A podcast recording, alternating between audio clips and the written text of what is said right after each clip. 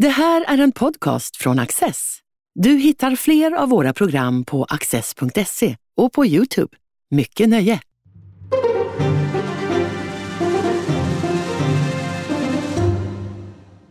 Välkomna till Studio Access.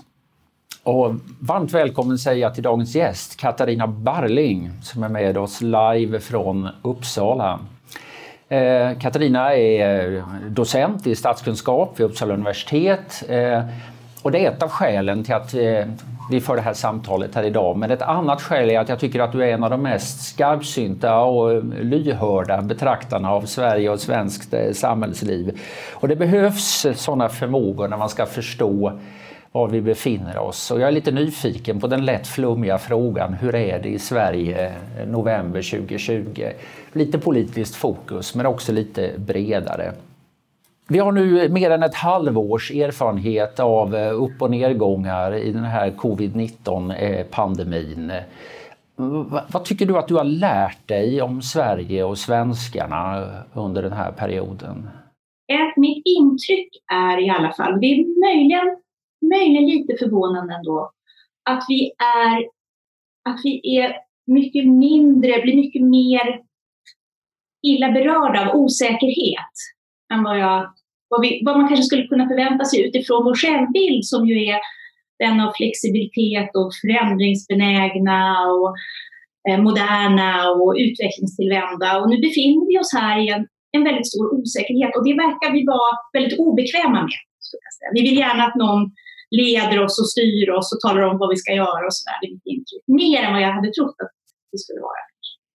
Å andra sidan så var det ju i alla fall så i våras att, eh, att både då Folkhälsomyndigheten som ju har eh, fått sitt mediala genombrott eh, det här året eh, och, eh, och statsministern och regeringen ökade i popularitet trots att de inte var så stränga och kommenderande. Eh, vad tänker du kring det då? alltså man kan ju leda och styra på olika sätt.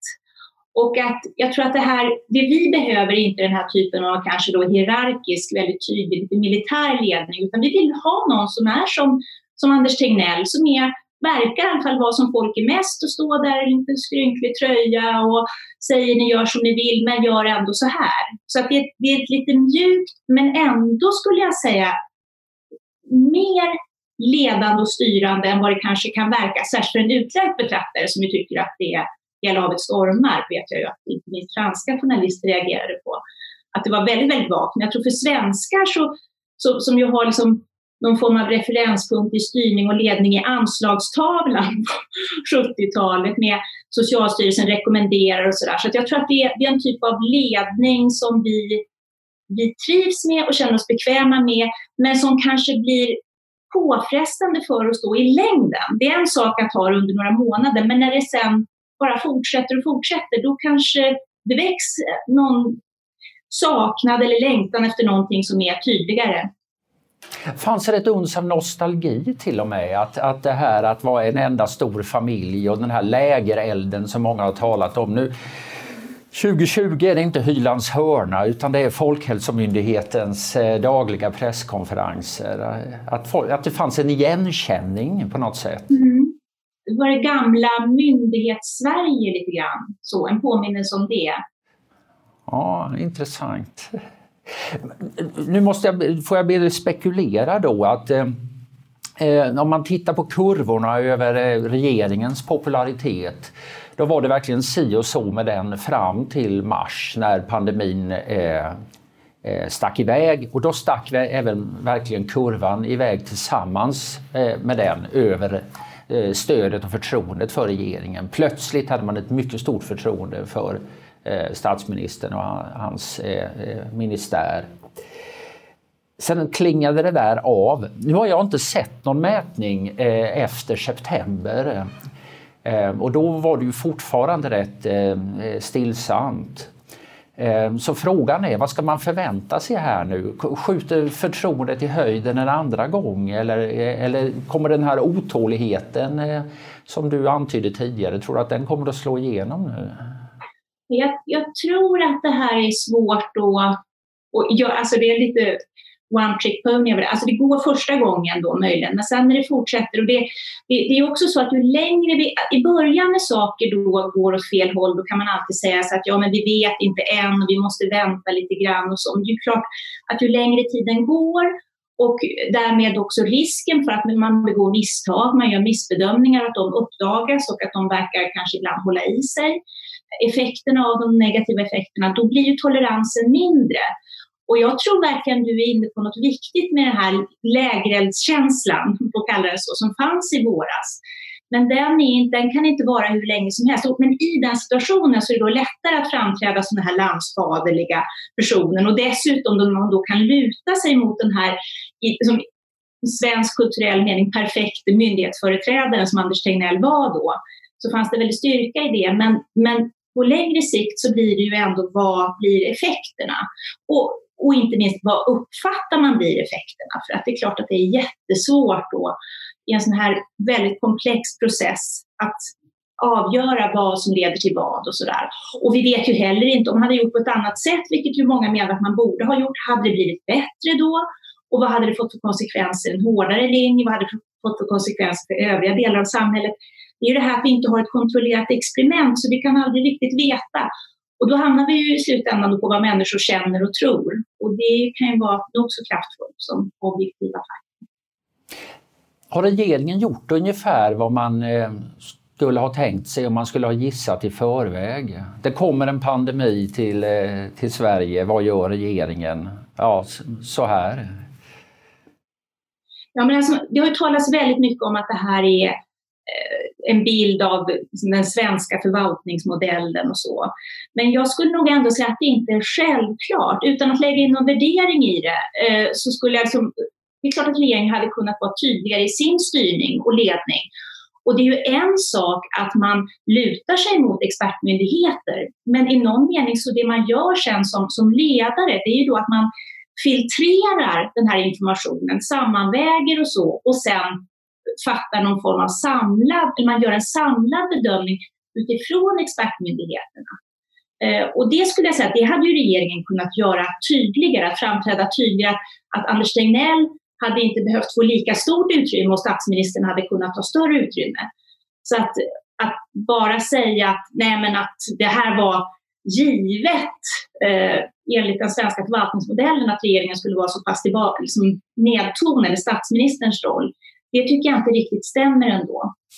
Vi har ju en grundlag utan möjlighet till, eh, till såna undantagstillstånd. Utan det, är en, ja, det finns ju en stor juridisk debatt och kunde man ha använt smittskyddslagen mer eh, effektivt. Eh, regeringen fick ju förstärkta befogenheter av riksdagen men säger nu i dagarna att de ändå inte kunde använda dem av något för mig lite oklart, lite oklart skäl. Eh, tycker du att den svenska konstitutionen har bestått det här provet väl? Ja, det är samma där. Det är, jag tycker det är väldigt svårt att säga. Jag tänker alltså det, det man kan säga är väl det att det vi vet från regeringsbildningar det är att den svenska konstitutionen är inte så tydlig i allting. Alltså den, den, den svenska konstitutionen bygger på att vi har var det Göran Persson som kallar det för business as usual. alltså att saker rullar på enligt ett förväntat mönster och när det inte gör det längre, det är då vi upptäcker vad som saknas. Eh, och när det gäller den här delen, det, det här, det senaste jag såg nu, den här, det här idéutbytet, om man får kalla det så, mellan, mellan Moderaterna och Socialdemokraterna, där, där Lena Hallengren säger att vi fick inte tillräckliga befogenheter och skyllde det på oppositionen. Oppositionen hävdade att det var lagrådet som, som, som eh, låg bakom de här begränsningarna, att man skulle behöva gå via riksdagen ändå i en så snabb process. Så. Det tyder ju ändå på att det har funnits om man tänker att en konstitution, det här har att göra med vad vill man ha av en konstitution? Och ett ganska vanligt sätt att se på en konstruktion det är att den ska rymma en viss tröghet. Att man ska inte kunna rusa iväg. Den exekutiva makten ska inte kunna göra vad som helst hur snabbt som helst. Och det kan man ju säga, där har ju konstitutionen, den svenska grundlagen, då bestått testet. Alltså det har funnits en tröghet i systemet Samtidigt så är det så att många då har tyckt att den trögheten har varit för stor. Och, och, som du nämnde så pågår det en diskussion mellan insatta jurister då, om hur mycket frihet ger egentligen grundlagen för regeringen att, att vidta mer drastiska och långtgående åtgärder. Så där finns det ju en oenighet, men det är i alla fall tydligt att många tycker att de borde ha gått ännu längre och att det har funnits ändå en del spärrar i, i systemet. om man tänker konstitutionen i vid mening också med olika typer av maktkontrollerande instanser som lagrådet. Alltså när det annonserades nu ganska nyligen eh, att man eh, satte tak för offentliga sammankomster på, eh, på max åtta personer. Eh, ja, då är det ju precis som du säger att det var ett, eh, ett, stort antal personer, kanske inte i partipolitiken men i den svenska samhällsdebatten som tycker att ja, vadå, varför, varför förbjuder man inte alla träffar med mer än åtta personer? I så fall må de vara privata eller offentliga. Själv vet jag inte. Jag, jag, tycker att det hade känts bra med någon enda fråga på den där presskonferensen om det verkligen är rimligt att man avskaffar möjligheten att hålla gudstjänst eller samlas till politiska möten eh, för att möta den här... Eh, jag menar det är en allvarlig pandemi men politik och statsmannaskap handlar alltid om att väga saker mot varandra. Jag är inte så himla säker på vad som är rätt och fel i detta. Men vad säger det om vårt samhälle och vår journalistkår att, att det enda som, ifrågas, eller liksom efterlyses är hårdare tag och att ingen liksom räcker upp handen och frågar ska, det verkligen vara, ska man kunna bussa polisen på de som håller gudstjänst? Vi har ju det här exemplet med den tyske journalisten som, som såg som en, en anomali snarast, att han ställer väldigt många kritiska frågor. Och det är vanskligt att generalisera, men jag vet ju att många utländska journalister har reagerat på att de tycker att svenska journalister inte har ställt tillräckligt många kritiska frågor. Uh, kan man fundera över om det, om det där är sant och vad det då beror på. Är det en följsamhet gentemot makten eller är det än en gång det här att vi helt enkelt är väldigt Alltså vi har inte så lätt i Sverige att hantera osäkerhet. Det är ett helt nytt läge. Eh, och vi är inte så flexibla som vi trodde och direkt kan ställa om och fundera över vilka frågor bör vi ställa nu. Det kan ju vara så att man i andra länder är mer van vid, av olika skäl, exceptionella tillstånd och mer beredd på dem än vad vi är i Sverige. Så det kan ju finnas något i det som, som ligger bakom det här. Men jag håller med. Eh, visst kan man förvänta sig att det, det, det, är ändå en långtgående åtgärd, jag håller med om det. Och det är också det att det slår, det, där är vi åter tillbaka till det här att vår, vår Alltså att när lagstiftningen är anpassad, den, den utspelar i någon mening sin samtidsstrider, men den är inte riktigt anpassad för den här typen då av, situationer. Vi tänkte inte efter före. Nej, och, och, det är ju, och det är ju lätt att sitta med facit på hand och säga det här borde ni ha tänkt på. Eh, och vissa saker, det här med beredskapslager och så, det är ju många som har eh, påpekat det även inför det här, men det kanske inte alltid, och det vet jag ju också inför den här alla oklarheter som rådde i anslutning till det senaste valet så var det många, men är inte det här reglerat i grundlagen, varför inte det? Det är först när man krockar med de här bristerna i lagen som man upptäcker om. Det är inte riktigt någon som har haft en fantasin alltid att, att kunna förutse att det här kan ju hända. Nej, men man, man, får ju hoppas att det här, man säger ju det här, låt aldrig en god kris eh, gå förlorad eh, och, eh, eh, och, det kan ju ha mycket cyniska innebörd att man ska plocka politiska poäng men möjligen, möjligen kan man ju faktiskt lära sig någonting också. Så att, eh, att en sån här kom, coronakommission eh, eh, kanske inte bara borde syssla med om regeringen har gjort rätt eller fel utan även verkligen hur regelverken har sett ut och vad, vad lär vi av detta för framtiden. Ja, verkligen. Du, partierna och politiken, för det är klart att, att eh, det är intressant att se vad som, är, vad som eh, händer just nu. Eh, och du är expert på partierna och, och deras sätt att vara och deras självbilden som lever hos dem. Är Socialdemokraterna, vi tar dem i storleksordning här, är Socialdemokraterna nöjda med tillvaron? Förhållandevis, tror jag. Ja. Man, man regerar och eh, man, eh, man lyckas fördröja den här LAS-frågan. Man sparkar burken framför sig liksom i rännstenen. Här. Ja. Precis. Migrationsfrågan likadant lyckades man, också komma runt. Det är, det är mycket som alltså man skulle stå som utomstående betraktare och fundera, kommer de att överleva det här, den ena, det ena mindre helvetet efter det andra för, för en regering att hantera? Och hittills har de gjort det och att, jag tänker det är anslående, det är en sak som har som jag funderar på med Socialdemokraterna, att deras grundläggande strategi sedan en tid nu i alla fall sen det här att oppositionen blev helt disparat och, och sprang åt olika håll och sådär, det är sitt still i båten. Gör så lite som möjligt i någon mening. Jag menar inte att de inte gör någonting förstås, men att i de här svåra, kniviga frågorna att så, handlar, så är grundstrategin att vinna tid. Väldigt mycket. Och det gäller både migration och, och LAS, eh, de här stora, svåra frågorna. Att försöka liksom ta, man tar en liten man tar så att säga en överhängande regeringskris i taget och försöker mota den på alla sätt som går genom att vinna man kan ju slås av tanken att, eh, du nämnde liksom, ja, lagstiftningen här tidigare, är det någon lag som verkligen gäller nu så är det tröghetslagen. Ja. Att, att saker liksom får fortsätta att vara som de är. Och eh, det kanske är ett måste och, och, och, eh, på ett sätt kan man väl säga att Stefan Löfven eh, som kan göra ett lite famlande intryck ibland att han ändå rätt skickligt har hållit sig kvar vid att och utöva regeringsmakten. Men har Socialdemokraterna blivit ett parti som är nöjda med att vara tröghetslagens parti? Är liksom reformambitionerna, är det historia? Ja, alltså de är ju, det har ju när det gäller Moderaterna så har det ju varit väldigt uppmärksammat. Det är väl det parti som har varit mest, tror jag, eh, omdiskuterat när det gäller de här nya konfliktdimensionerna. Eh, och galtan och nationalism och populism och så. Där, där har det där varit väldigt omdiskuterat. Men jag skulle säga att de där problem, och de är, problemen är betydande för Moderaterna, jag skulle säga att de är minst lika stora för Socialdemokraterna. För Socialdemokraternas idé, den bygger ju väldigt mycket på, alltså i grunden så är det ju folkhemsidén som, det, även om man sedan har tagit avstånd från den på olika sätt, så är det ändå den som ligger bakom den här starka välfärdsstaten och välfärdsstatens utformning i Sverige. Och det gör att när det kommer in nya konfliktdimensioner som är kopplade till kultur och migration och så, så blir det mycket svårare för Socialdemokraterna att orientera sig och att vara alldeles tydliga. Och de har ju dessutom stora spänningar inom partiet, precis som många partier har de här frågorna.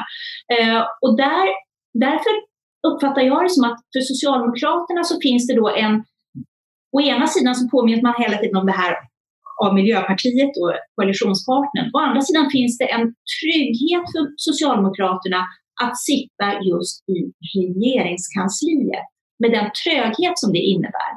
Och det vet jag både partier eller personer, tjänstemän utanför partiet och personer i partiet har, har sagt till mig vid upprepade tillfällen att Socialdemokraterna är inte särskilt skickliga i opposition. Men när de är i regeringskansliet så vet de precis hur de ska använda det fantastiska redskap som regeringskansliet innebär i form av väldigt starka resurser, inte minst i form av opolitiska tjänstemän. Och, och där kommer vi ju in på det här med tröghetslagen då, din fråga där, att regeringskansliet är i sig en trög organisation. Eh, särskilt vissa departement. Och det där gör ju, och inte minst de departement som, som så att säga, har att handha de här stora svåra frågorna som justitiedepartementet till exempel. Eh, och det där tror jag gör att för Socialdemokraterna så finns det då en lockelse i det tröga så tillvida att man inte behöver konfrontera alla de här stora ideologiska vägvalen som är svåra att göra i den här tiden. Och att man också kan falla tillbaka på den här organisationen som man just nu befinner sig i.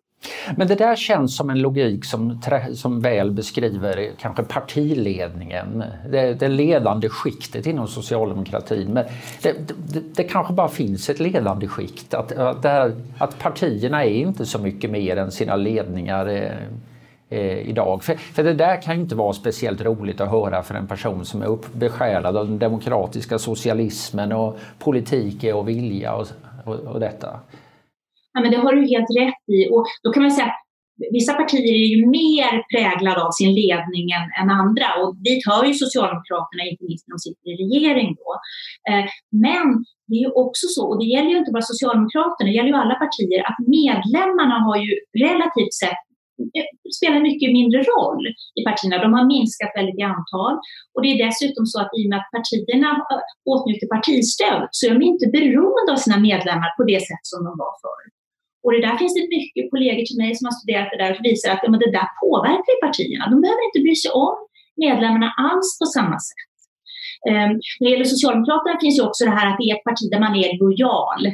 Eh, och det är klart att det där sipprar ut långt ut i leden, men jag tror precis som du säger att det finns säkert eh, eh, många företräd socialdemokratiska företrädare som kan känna frustration över att, att partiet inte är tydligare ideologiskt. Utan man, man är någon form av förvaltare helt enkelt. Om vi rör oss lite vidare genom landskapet så har vi då det, det i alla fall för tillfället största oppositionspartiet, eh, Moderaterna.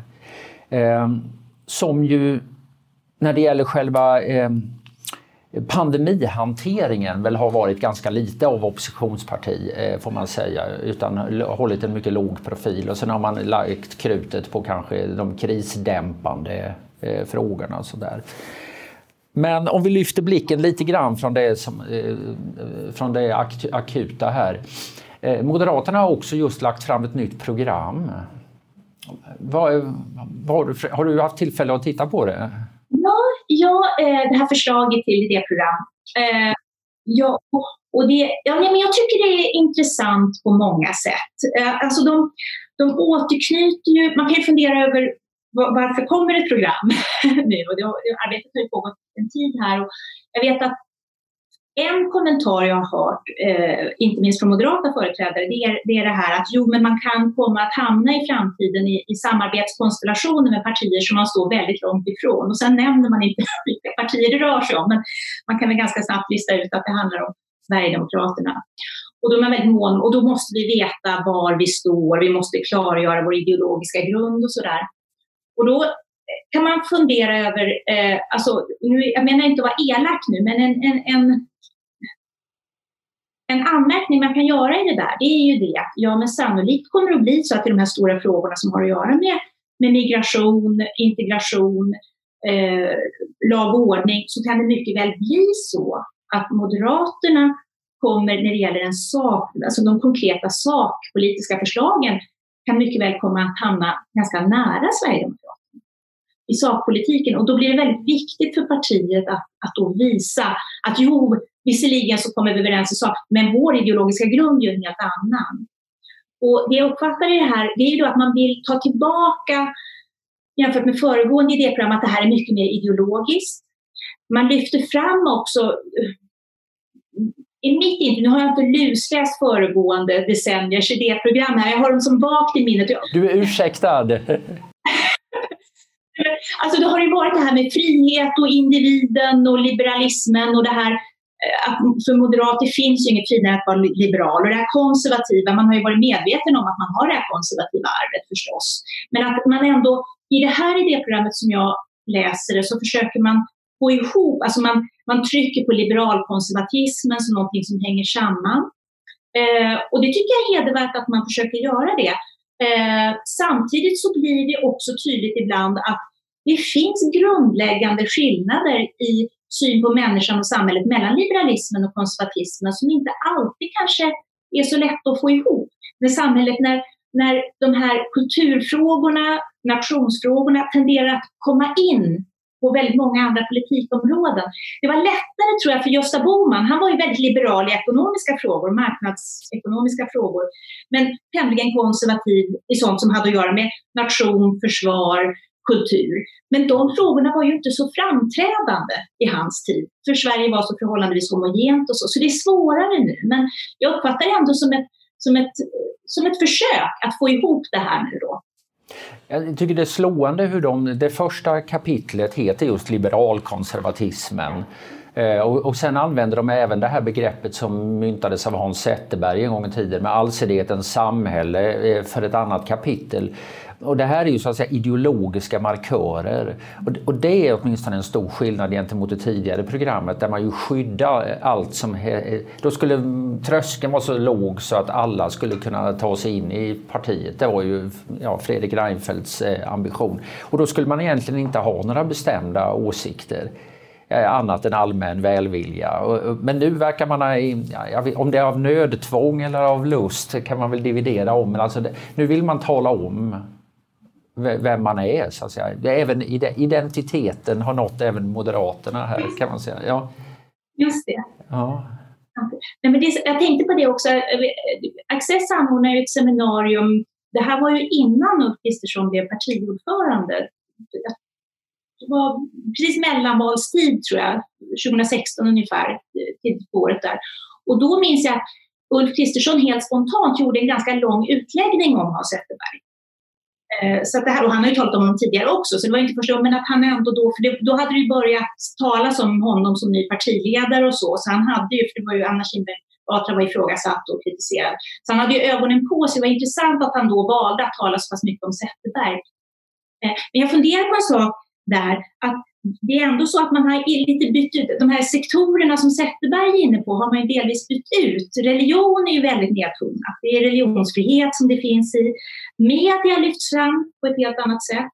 Um, konsten nämns, utan konst är då en allmän del i kultur, föreställning och sådär. Så, så det, det är kanske en dialektisk process i den här behandlingen av Zetterberg. Nej, och kultur som... Eh, de använder ju det breda kulturbegreppet, alltså vårt samhälles kultur. Eh, men kultur är, som de sköna konsterna är ju mycket sparsamt behandlat vad jag har kunnat eh, notera i varje fall. Ehm, men ska vi ta ett par partier till här? Ett annat parti som väl är intressant just nu, eh, det är Liberalerna. Att vara liberal är att vara kluven. Eh, ja, det är ett mycket slitet citat av Gunnar Helén tror jag. Eh, nu är de mindre än någonsin och kluvnare än någonsin. Vad är det som händer? Svårt att inte finna, alltså i stort sett om man gick in i Sveriges riksdag och frågade ledamöterna där, i stort sett från, jag skulle säga alla, kanske med några få undantag, så skulle i stort sett alla instämma i det som Liberalerna ser som sina grundläggande värderingar, frågor som har med frihet och eh, social trygghet och demokrati och demokratiska rättigheter. Det, det, de har, som, som man säger de har seglat sönder sig. Sen fick de ju skolan som en fråga, men nu håller ju alla med om där också. Så att de viker ju de, och, och jag undrar så här, och det här, säger, det här kan igen låta som att jag är elak mot dem, det är inte min mening, men alltså jag undrar, vet Liberalerna vad, varför de behövs? Alltså det är ju så med, med, organisationer som partier är, att det är ju inte så att de så här en dag upptäcker att Åh, nu är vår politik genomförd, nu kan vi lägga ner verksamheten och stänga igen. Det är ju ytterst sällsynt. Men Liberalerna är, det kan vara så att de vet det, varför de finns. Eh, men de lyckas ju inte riktigt få, eh, jag följer dem ändå ganska noga så, och jag förstår inte riktigt annat än det här att liberala värderingar stort. Och sådär. Det, är, det är svårt att riktigt få, få grepp om vad Liberalerna gör som man inte kan få från de flesta andra partier. Eller från många andra partier. En, den fråga som nu är i stöpsleven här för, eh, eh, och med stor bäring just på Liberalerna det är ju nu den här med lagen om anställningsskydd och eh, Eh, utredningen eh, som var relativt förändringsvillig då, eh, den har förkastats av regeringen. Två av de tre stora huvudorganisationerna på arbetsmarknaden har hittat på någonting själva. Och Liberalerna och Centern står ju då inför det faktum att det här överenskommelsen om en liberalisering utav arbetsrätten, det var ändå en av deras stora segrar i förhandlingen om januariavtalet. Kan januariavtalet spricka på LAS-frågan? Alltså det som är, gör att regeringen kan känna sig ganska säker ändå, det är ju det att, att Liberalerna vill ju inte för allt i världen ha ett extra val nu. Eh, när de ligger så här illa till. Jag tror att, och det är väl det, för att det är klart att om de skulle följa sina principer så det, alltså, de kan ju alltid skylla på att jo, men det är lite fördröjt och processen pågår och sådär. Men det är klart att de skulle kunna säga att nej, men det här är, det här är inte tillräckligt. Eh. Men de, vill, de, de har ju inget intresse av att ställa till med regeringskris, Liberalerna heller. Samtidigt som de, det tycker jag har varit intressant i den här processen, att den är som en sorts lackmustest ändå. Det blir väldigt tydligt att Centern eh, verkar mer bekväma i det här, att, i alla fall utåt vad jag kan se. De vantrivs inte i att vara i, i, på andra sidan. Alltså det är ju ändå inte så länge sedan som de skulle äta upp sina skor och så vidare hellre än att sätta, alltså stödja den här regeringen. Eh, men de verkar, ja, verkar finna sig väl till rätta. Där är mitt intryck i alla fall att Liberalerna är mycket mer obekväma med det här och att den borgerliga identiteten då möjligen är tydligare i Liberalerna. Eller att det, det, kan vara en sån sak som att Centerpartiet älskar att kompromissa och nattmangla och sådär också. Liberalerna har ju då en sak de kan trösta sig med. De, de vill ett, de vill inte ha nyval. Det tror jag alla som har läst en opinionsundersökning på sistone inser. Eh, två, det är mycket farligt för dem att hänga kvar i den här januariöverenskommelsen. Om de eh, kommer in eh, i valrörelsen 2022 guppande som en jolle efter, eh, efter regeringen. Så, så liksom vem ska rösta på dem då och varför? Så att de vill inte fälla regeringen så att det blir kris, men de vill komma loss. Och de kan komma loss, därför att regeringen står inte och faller med de liberala rösterna. Utan sticker Liberalerna ur januariöverenskommelsen så ja, då blir det plötsligt eh, Centern som sitter med Svarte Petter. Ja. Är det ett scenario det är, en, är det en rösts marginal man har? Ja, det är ju någon ledamot som inte deltar och sånt här, men det är, de, de, de klarar sig i, i alla fall eh, i regeringen även utan Liberalerna. Ja, jo, det som är, jo men så är det. Och det, det är väl det här att när det är så väldigt, väldigt små marginaler så, är det, så blir det ändå väldigt oreda då. Men du har ju rätt i det. Samtidigt så det är väl det här att det som Liberalerna har anfört då för, som skäl för att ändå fortsätta det är att vi håller ingångna avtal och vi är, man kan lita på oss och sådär. Eh, alltså vad jag menar är det att bara risken att ställas inför en situation med ett, ett val. Eh, och det, det, det, det, problemet behöver inte vara mindre när det ordinarie valet inträder förstås. Men att det möjligen där också handlar om en, en oro en rädsla för vad, och om man börjar, eftersom hela Socialdemokraternas strategi verkar vara liksom still i båten. Om, om det börjar gunga i båten så vet man inte riktigt vad följdverkningarna kan bli. Uh, och därför så är det en risk för Liberalerna, även om det inte är de, det, det står inte och faller med deras röster. Ehm, så jag ja, nu är det ju, det, det är ju väldigt eh, alltså inte för, för, att vara Liberalerna kanske, men för att vara ett politiskt parti så är det ändå väldigt öppet nu. Kritiken mot Nyamko Sabuni, ordföranden då, det är många som är missnöjda eh, och många som vädrar det här väldigt öppet, så som liberaler plägar göra. Alla liberaler ska tala om var de står. Så, ehm, så att det, det är lite liknande men det, det, det, situationen påminner lite grann om den med Moderaterna Anna Kinberg Batra så tillvida att hon hon kan alltid skylla på att jo, men jag fick det här i knät. Men då kan man å andra sidan säga att ja, men det är inte hur man har det utan hur man tar det och då handlar det om att kunna hantera det man nu har fått i knät. Då. Men det är klart att hon, hon hade ett svårt utgångsläge i att eh, hon var väl om jag minns rätt emot det här, jag vet inte hur uttalat det var, men, eh, men hon ändå då ska, ska ro det i, i hamn. Och hon har sagt att hon ska göra det, så där blir det väl mer den här Alltså där uppfattar jag det som att det finns en skillnad mellan Socialdemokraterna och Centern å ena sidan och Liberalerna och förvisso även Moderaterna å andra sidan och Vänsterpartiet också. De är mer så här, nej men har vi sagt att något gäller då, då ska man kunna lita på det även om det skadar oss själva. Centerpartiet och, och Socialdemokraterna de har mindre problem med att så här, tänja på överenskommelser, i mitt intryck. så. Eh. Inte att det är så. Och det är väl det, det, det är kanske sådana saker som gör att Liberalerna är mer låsta i det här än vad Centerpartiet skulle ha varit i motsvarande situation. Mm, vi får se. Vi får se. Eh, ja, jag skulle gärna borra vidare i detta och, och, vi borde nu här för rättvisans skull bena vidare i alla de olika riksdagspartierna men då kommer detta program att bli betydligt längre än vad vi har möjlighet att låta det bli. Eh, så vi måste faktiskt avrunda nu Katarina, men vi har fem partier kvar. Är det något av dem som du skulle vilja säga någonting eh, särskilt om så här? Eh? Men det är ju intressant i och med att de har bytt ut en av landets populäraste partiledare som drog igång en väldigt, alltså ganska radikal förändringsprocess i partiet och som hon nu då ska försöka föra vidare och fullfölja och inte minst genom att bredda partiet väljarmässigt, vilket var ett arbete som påbörjades av Jonas Sjöstedt. Eh, så det blir ju intressant att se hur hon, hur hon klarar av det här. Men statsvetare säger hela tiden att partiledarna inte betyder någonting. Nej, jag vet, de säger det, men det gör de kan jag avslöja. De gör det, ja. Det var mycket bra att få klarhet på den punkten. Eh, Katarina, jätteroligt att talas vid. Eh, det skulle vara, jag skulle verkligen föredra att fortsätta, men vi får sätta punkt den här gången. Stort tack för att du varit med. Tack så mycket. Du har just lyssnat på en podcast från Access. Du vet väl att vi också är en tv-kanal och tidning? Teckna en prenumeration idag på access.se.